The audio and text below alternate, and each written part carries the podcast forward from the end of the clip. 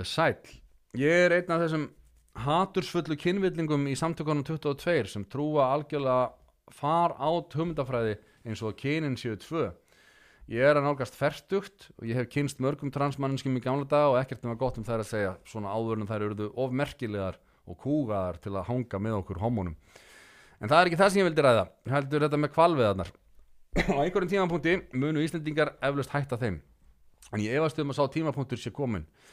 Hversu rugglað er þetta lið að telja það mannréttindi að festa stórt atvinnutæki eins og kvalbát við bryggju og kalla það friðsöð mótmæli og klikka svo út með að heimta lögreglan og valstjórnin sjálf færi þeim mat og drikk og kannski ferðaklósett til að skýta í.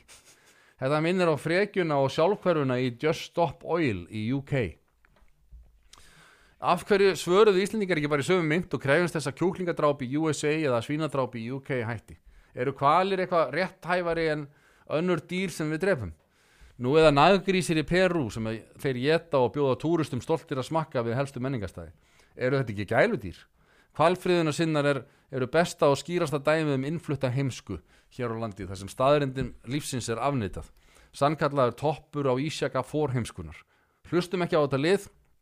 Þegar ég var lítill spilaði Rúf þetta lag með Helga Fokking Björs reglulega á milli darskráaliða til að minna okkur á þjóðverðnishyggju og hvernig við sem saminu þjóðættum að standa á móti ágangri heimskra útlendingar sem skildu ekki land og fólkið. Fólk getur verið missammála því en allavega þetta með kvalveðnarna mínum dómi eru innrækismál sem fólk eins og Leonardo DiCaprio kemur ekkert við. Þú sendir að mér hérna lagið undir regnbúanum sem ég man ekki alveg hvernig það er en það er eitthvað með Helga Fokking Björs. Herðu, já já ok, þetta var góð póstur. Já þú veist, ég sé ég, ég er alltaf að upplifa mjög sér dilemmu að ég er sem sagt sjálfur á móti kvalveðum í hjarta mínu en, en mér dettur ekki í huga að ég geti bannað þér. Ég, hérna, ég vona bara að það fáist meiri hluti á alþingi Íslendinga til þess að, að setja í lög að banna sig að veiða kvaði, kvali já, það er eina leiðin sko. Já, en ég, þú veist, með þetta með mótmælunar, mér, mér finnst alveg, þú veist, ótrúlega passionate með eitthvað mál. mm Þetta, þetta að, just oil dæmi er náttúrulega fakt að þeir eru að stöða umferðir og svona, en þetta, og eiginlega, en það, þú veist, það hekka sig við skip, mér finnst það alveg töff, mér finnst það alveg rebel, skilur við, já, þú veist, en ég myndi aldrei persónulega gera nei. hann kom hérna Watson hérna, á Greenpeace bátnum Mhm. hérna, árið 1985 og sökti tveimur kálbátum nýri Reykjavík já, það er crazy. það var crazy sko og hérna en það er, já, ég, ég þú veist, ber virðingu fyrir fólki sem vil berjast fyrir, fyrir kvalina og hérna ég myndi samt sko ég myndi líka og þetta er ekki, aftur ekki what about ismi heldur hérna um, ég myndi vilja sjá sko fólki sem að berst svona fyrir kvalina vera að berja svona til dæmis fyrir Julian Assange sem að er að rotna í pínur illum fangaklefa búin að vera frelsisviftur í rúm tíu ár fyrir að hafa ekki gert neitt annað en að byrta sannleikan úr stríðinu í Írak.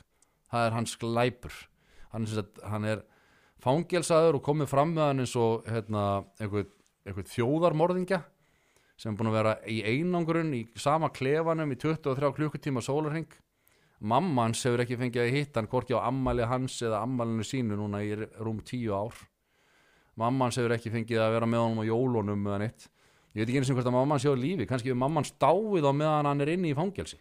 Já. og fyrir hvað fyrir að því að hann byrti sannleikana þá má hann ekki einu svona umgangast mömmu sína.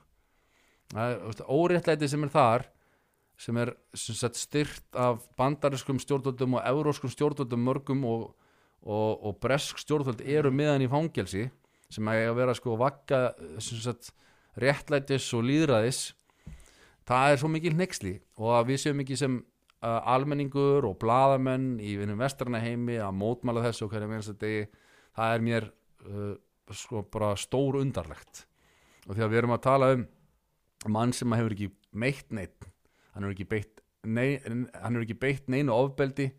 Hann hefur engan drepið.